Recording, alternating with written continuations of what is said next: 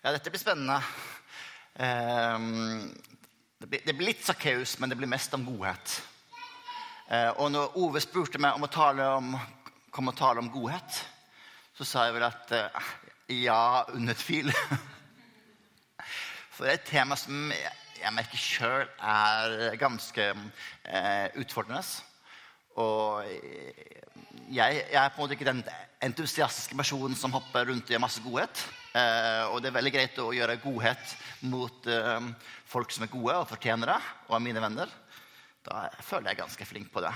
Men de som ikke fortjener det, eh, og de som er på utsida, det, det, det, det, er tema som utfordrer meg. Og jeg merker sjøl at eh, det bor ikke så mye godhet i meg som jeg skulle ønske. I hvert fall hvis folk sniker i køen, spesielt i elbilladekøen da merker jeg at da, da, da var det plutselig ikke så mye godhet. Eh, som jeg har sett. Ja, men bare ta plassen min. Jeg kan vente ti minutter ekstra. Bare fyll på. Så jeg merker sjøl at uh, det, det, er et utfordrende tema. Det er også faktisk litt utfordrende å snakke om en god Gud når vi samtidig opplever så mye ondskap og vond, vond, vondhet i verden. Og Det er på en måte en spenning mellom det vi, eh, det vi tror på, og det vi forsyner, og det vi ser og føler. Og eh, det kan på en måte eh, formuleres litt som det ondes problem. Hvis Gud er god, hvis Gud er mektig, hvorfor tillater han da så mye eh, ondt? Hvorfor gjør han ikke noe med det? Hvordan kan vi tro på en god Gud når vi ser så mye ondskap. Ligningen eller uh, I matematikken så løste vi ligninger og regnet med x. Og når vi har Gud på den ene sida og har ondskap på den andre sida, så ligningen går på en måte ikke opp. Hvis en ikke tar med evangeliet i betraktning. Hvis det vi ser her og nå, er allting så går ikke ligningen opp.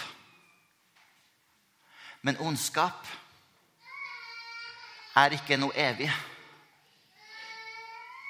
Ondskap har ikke alltid vært. Ondskap er noe som ikke alltid skal være. Men ondskap er midlertidig. Og Gud er god, og han er allmektig. Og han har faktisk gjort noe med problemet. Løsningen har skjedd. Gud har blitt menneske. Gud har faktisk gjort noe med problemet. Og du og jeg er faktisk del av løsningen. Da ser man godheten og ondskapen i en evighetsperspektiv. Og man ser det med evangeliet. At Gud har faktisk grepet inn, og Gud griper inn. Og Gud kommer til å ha en evig seier over ondet. Da går ligningen opp.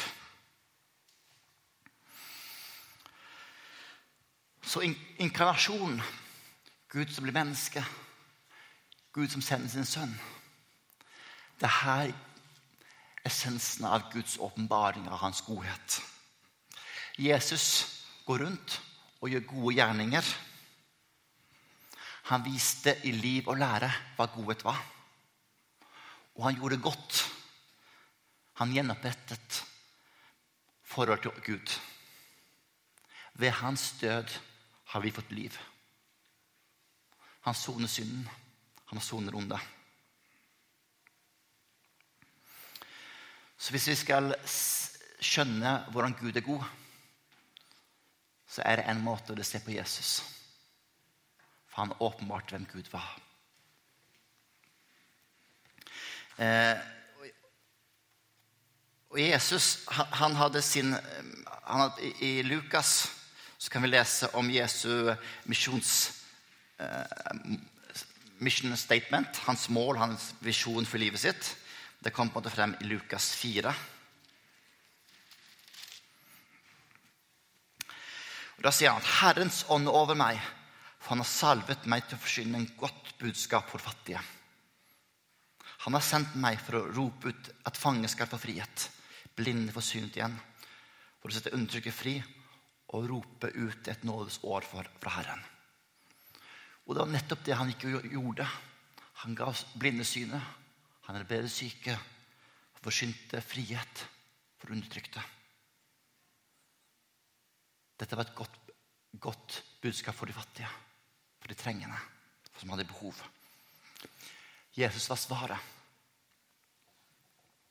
Og Det uttrykker også Guds hjerte for de svake i samfunnet.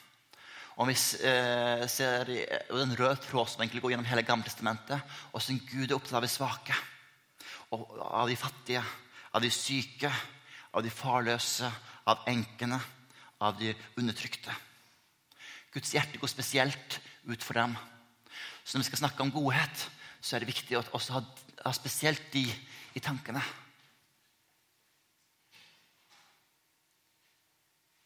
Jesus, Jesus svaret, men du og jeg er del av løsningen. Og Kirken tok opp det her. De så at nestekjærlighet var en av de grunnleggende verdiene i troen. Alle mennesker var skapt i Guds bilde. Så, og Vanligvis når man går i religiøse bygg, i tempel og sånt, så møtte man et bilde av guden i tempelet.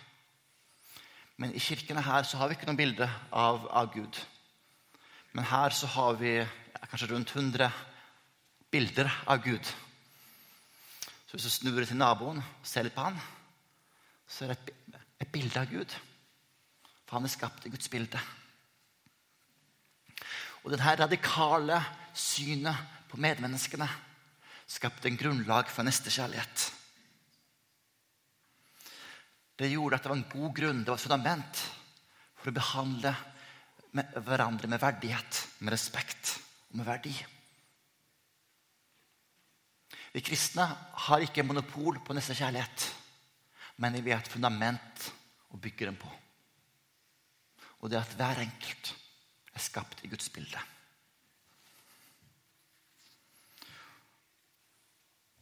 Og Jesu ord, dere gjorde det mot den minste.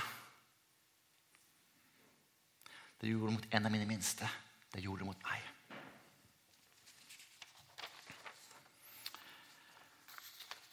Så må hoppe, over til, hoppe inn i Sakkeus. Det interessante med Sakkeus at han var jo egentlig verken fattig eller du vet ikke om han var farløs. Men han var i hvert fall ikke av det typisk eh, svake kategoriene. Han hadde makt. Han eh, var rik overtoller hadde eh, innflytelse. Tollerne jobba sammen med eh, romerne. Så de som var eh, de privilegerte. Og han overtoller. Men han eh, hadde sine behov. Han, han var ja, ikke syk og ikke fattig, men han hadde andre behov. Og når han hørte at Jesus kom til byen, så følte han at ja, Jesus vil jeg se. Og veldig Mange hadde hørt mye om Jesus, for han hadde gått rundt og gjort godt. Så når Jesus kom til byen, så ville han se. Men han var liten til vekst, som vi så her i eh, dramaet. Så han klatret, klatret, opp for å kunne, i et tre for å kunne se etter Jesus. Og kanskje han ser Jesus. Kanskje han ser at Jesus gjør no, noe spennende mirakler. Men, men han ser Jesus. Men det primære er at han blir sett av Jesus. Kanskje han ser noen mirakler også som skjer. For Jesus gjorde masse mirakler. Men det primære er at Sakkeus ble et mirakel.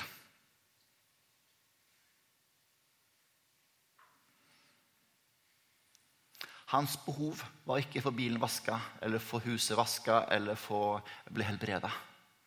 Men hans behov var å bli sett. Hans behov var å bli møtt av Jesus. Og når Jesus så han, når Jesus møtte han, når Jesus kom inn i livet hans bokstavelig talt, inn i hjemmet hans Når Jesus viste han godhet på den måten og det er interessant at Godhet kan bli vist på mange måter. Og Når vi møter, skal eh, vise folk godhet i godhetsuka, så er det kanskje det primære at vi kan se folk, at folk blir sett via det vi gjør. Og Det er lettere å se folk via en gjerning. Det er vanskelig på en måte. Nå skal vi, nå skal vi gå og se. Men når vi, når vi møter folks behov, så blir de sett. Og ensomhet er kanskje en av de store behovene her i, i landet vårt. Så Jesus ser ham, en person som kanskje ble uglesett i, uh, ellers. Men Jesus ser og møter ham.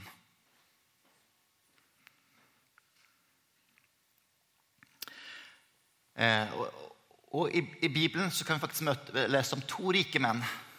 Eh, Zacchaeus var en av de rike mennene som møtte Jesus. Har en kapittel før en annen person som også møtte Jesus. Og det er litt kontrast her. Sakkeus tok imot møtet med Jesus. Og lot dette møtet forandre ham. Mens den andre rike mannen, som egentlig hadde livet mye mer på plass, og som fiksa allting så mye bedre, han hadde egentlig ikke behov for Jesus og gikk bort fra Jesus.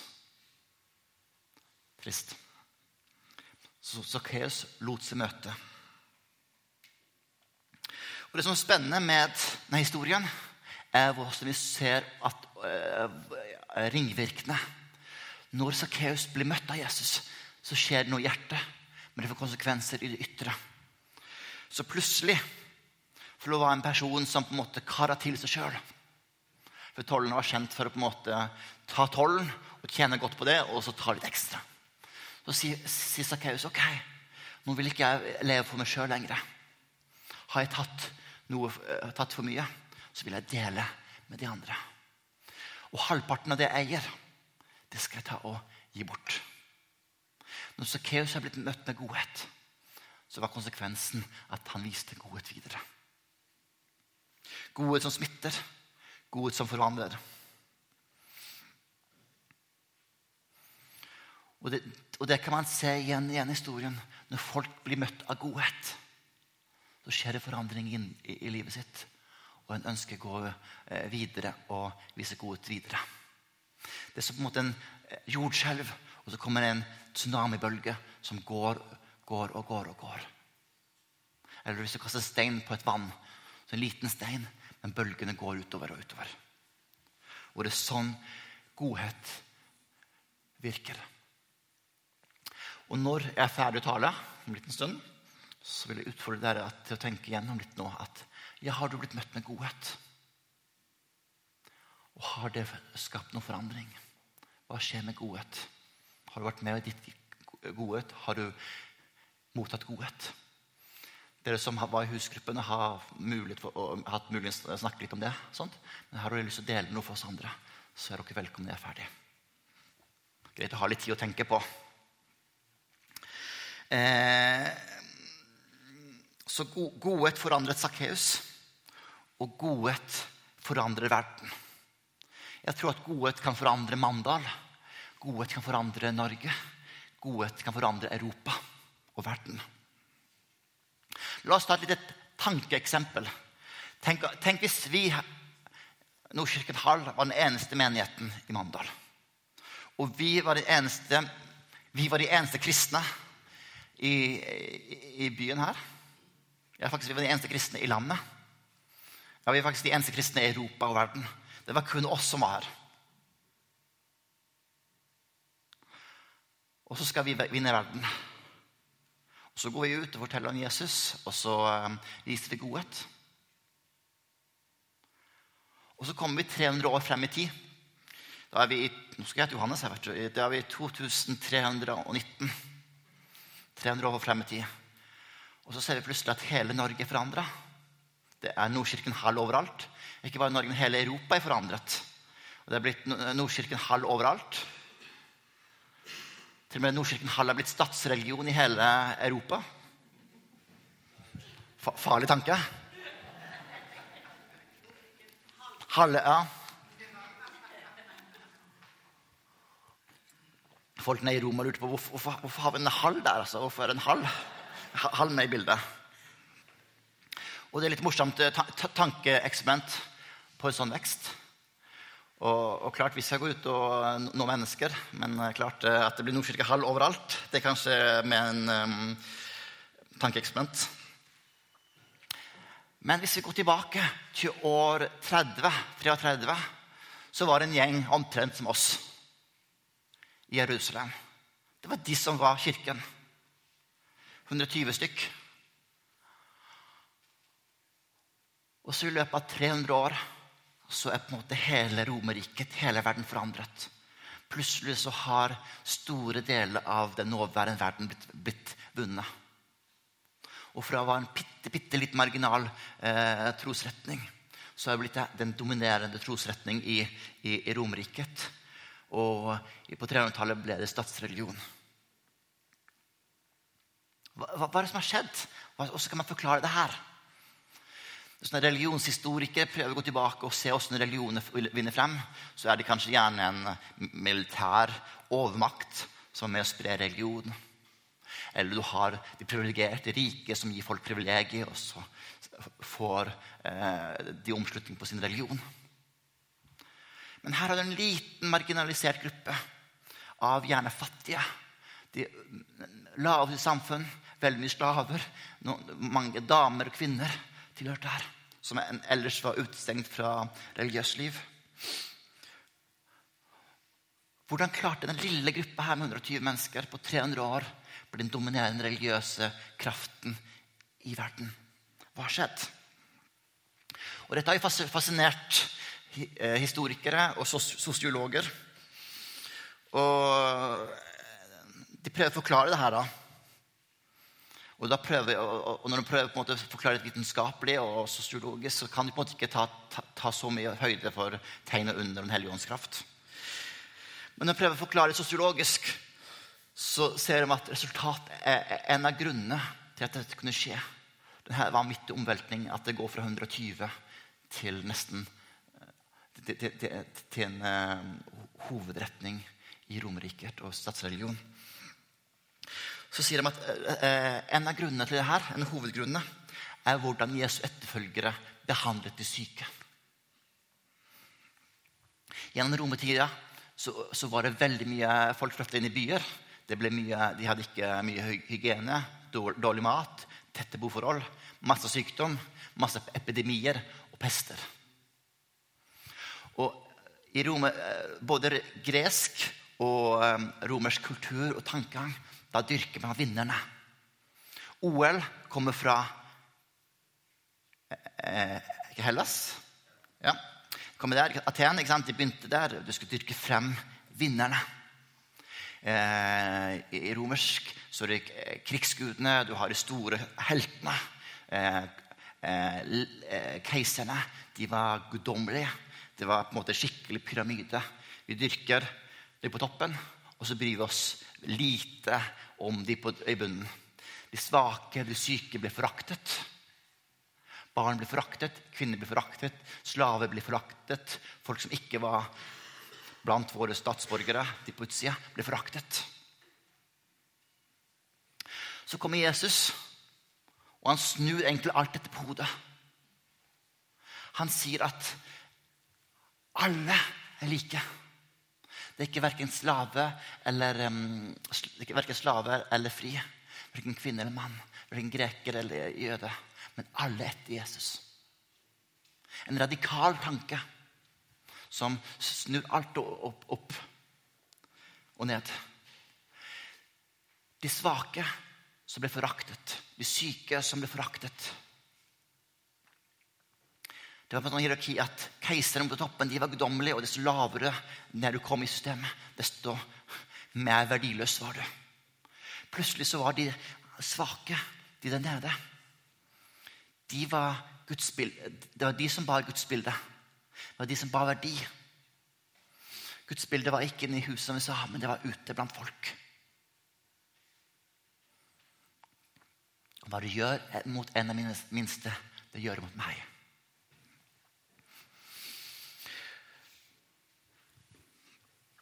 Så plutselig så var det noen folk som begynte å praktisere disse ordene. De tok det på alvor. Når de syke da, eh, Folk fikk panikk. Det var pest.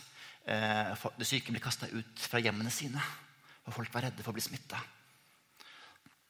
Så tok de kristne vare på dem. Fordi deres grunnleggere har sagt det de gjorde mot en av de minste, gjorde mot meg. Jeg var syk, men du kledde meg. Jeg var i fengsel, men du besøkte meg. Jeg var sulten, og du ga mat. Jeg var tørst, og du ga meg drikke. Og alt du gjorde med det minste, gjorde mot meg. Nå begynner jeg å grine. men eh, det er faktisk et folk, en gruppe, som begynte å praktisere det her. Som brøyt fullstendig med det vanlige.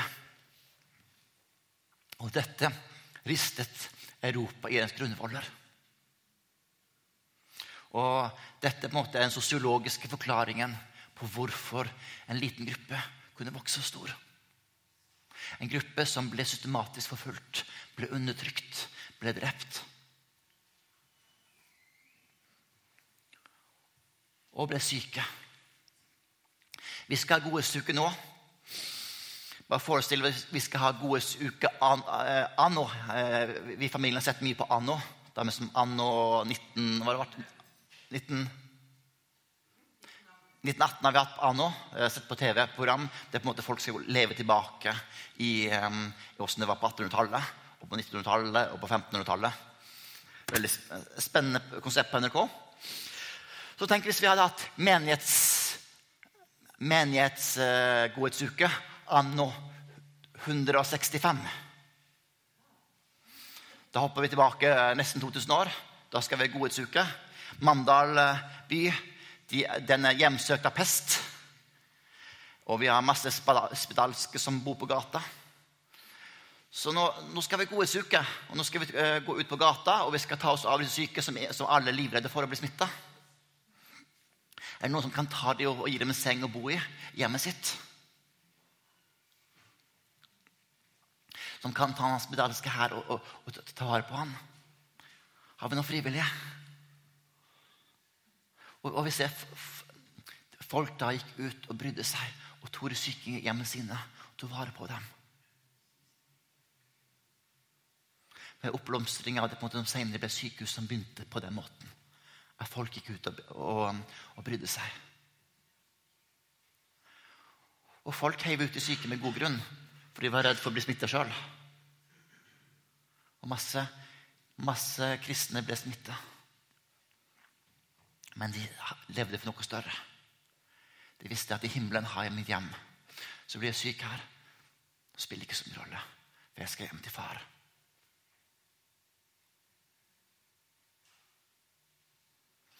Mange av de som ga sitt liv for å hjelpe spedalske, ble spedalske sjøl. Men de så oss som større, for de hadde noe, å se frem til. De levde for evigheten.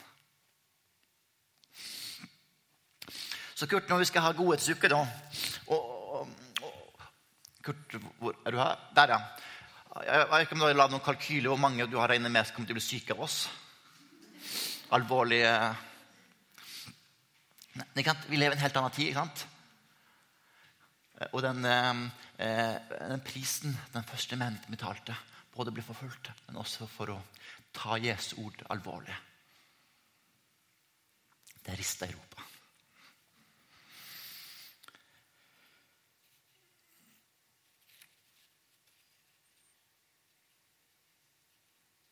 vi har vært veldig opptatt av bibeltroskap de siste årene.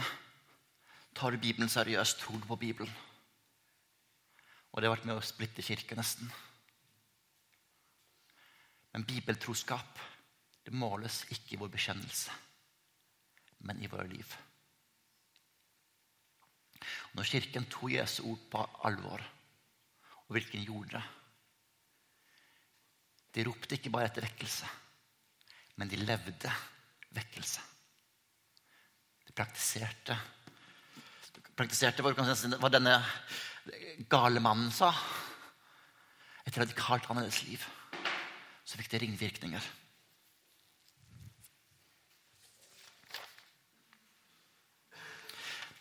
Et annet vitnesbyrd som rystet den første kirken, det var Se hvordan de elsket hverandre. I det hierarkiske samfunnet der det var klasseforskjell på alt, så levde vi kirken som et annet samfunn der de så på hverandre som brødre og søstre. De elsket hverandre ikke bare med ord, men i praktisk, praksis. Godhet var ikke noe som var primært der ute, men det var primært der inne. Når kristne kom i fengsel, så besøkte de hverandre. Når de ble syke, så, så, så tok de seg av hverandre. Kjærlighet var noe som var praktisert. Bare tenk et samfunn der alt Der de rike, rike slaveeierne var på toppen, og slavene på bunnen. Så kommer de plutselig inn i menigheten, og der opplever slaven at han eh, ble vaska føttene sine av en slaveeier. Fotvask var noe de praktiserte i praksis i den første menighet. Radikalt snu allting på hodet. Vi tenker som likhet. Som en selvfølgelighet. Vi kan lese om den franske revolusjonen, brorskap, likhet. Vi kan lese om um, humanismen. Kan, amerikansk, um, både vår grunnlov og amerikansk grunnlov bygger på likeverdsprinsippet. At alle mennesker er skapt likt, med rettigheter. Når du kan spore historien, så kommer disse tankene. Eh, de første som begynte å praktisere det, var den første menighet. Marx og Engels var ikke de som fant, de, de uh, jobba for å få et klasseløst samfunn. Men ideen deres var gammel. Stammer fra Paulus og Jesus.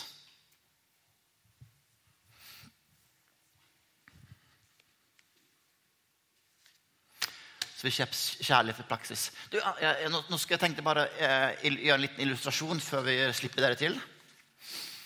Andreas, kan du komme opp nå? nå skal, eh, han har under tvil blitt med på en liten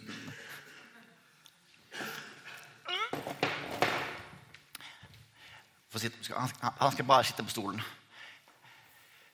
Vårt bilde av Gud, hvordan er, eh, er det? Vi blir veldig påvirket av vårt eget bilde av våre foreldre og vårt forhold til våre barn. Hvordan vi tenker. I dag så omtaler man dagens generasjon som eh, curlinggenerasjonen. Har dere hørt det begrepet? Ingen? Jo, jo. det er bra. Men må litt mer respons, vet du.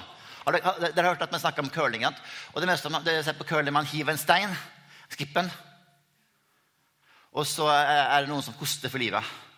Jeg, har alltid lurt på hvis man bruker en curlinggenerasjon fordi at eh, vi kjører bil, ungene rundt i bil. ikke sant? Vi, liv på Kjernøy består veldig mye. Du kjører bil ikke sant? Og, og kjører ungene frem og tilbake. som disse steinene. Men jeg tror curlinggenerasjonen den, eh, den eh, stammer med fra, fra at, at, vi som vi som foreldre Vi som foreldre vi, vi, vi står og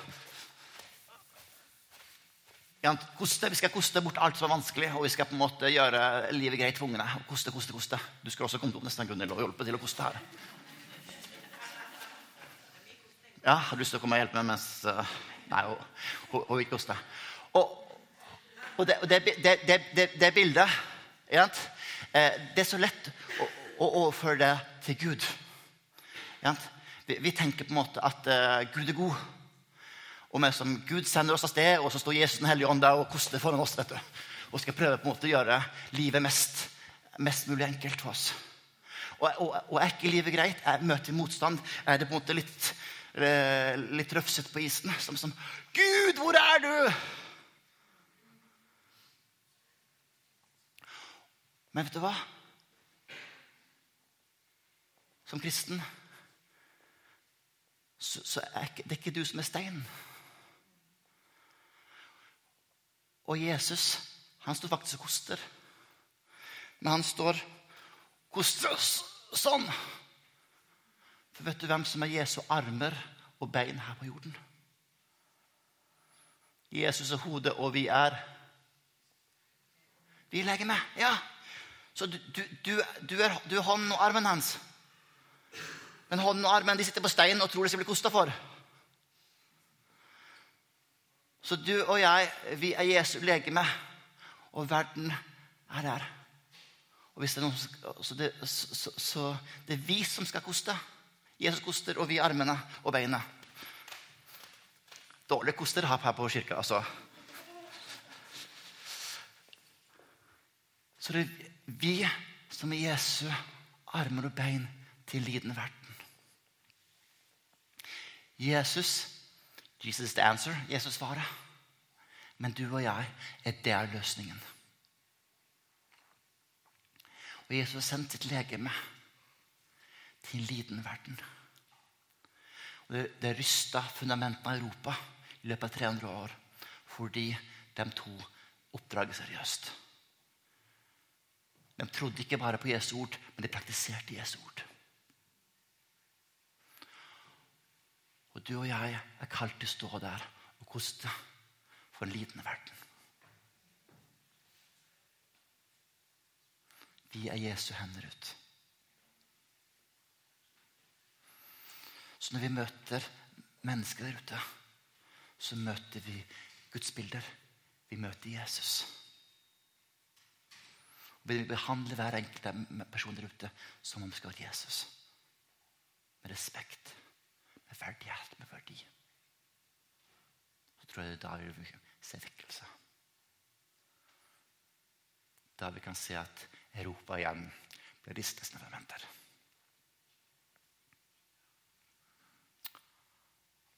Amen. Kjære far, bare kom her med din ånd og virke på hjerter. Begynn bare med vekkelse men vekk oss. Vekk oss fra vår slummer, Herre. La oss bli et folk som tar ditt ord på alvor. Som gjør som den første kirken. Ikke bare tror masse ting, men praktiserer. Se mandag forandret av din godhet. Og la oss si at Herre, her er jeg, send meg. La oss være dine hender og armer ut i den lidende verden.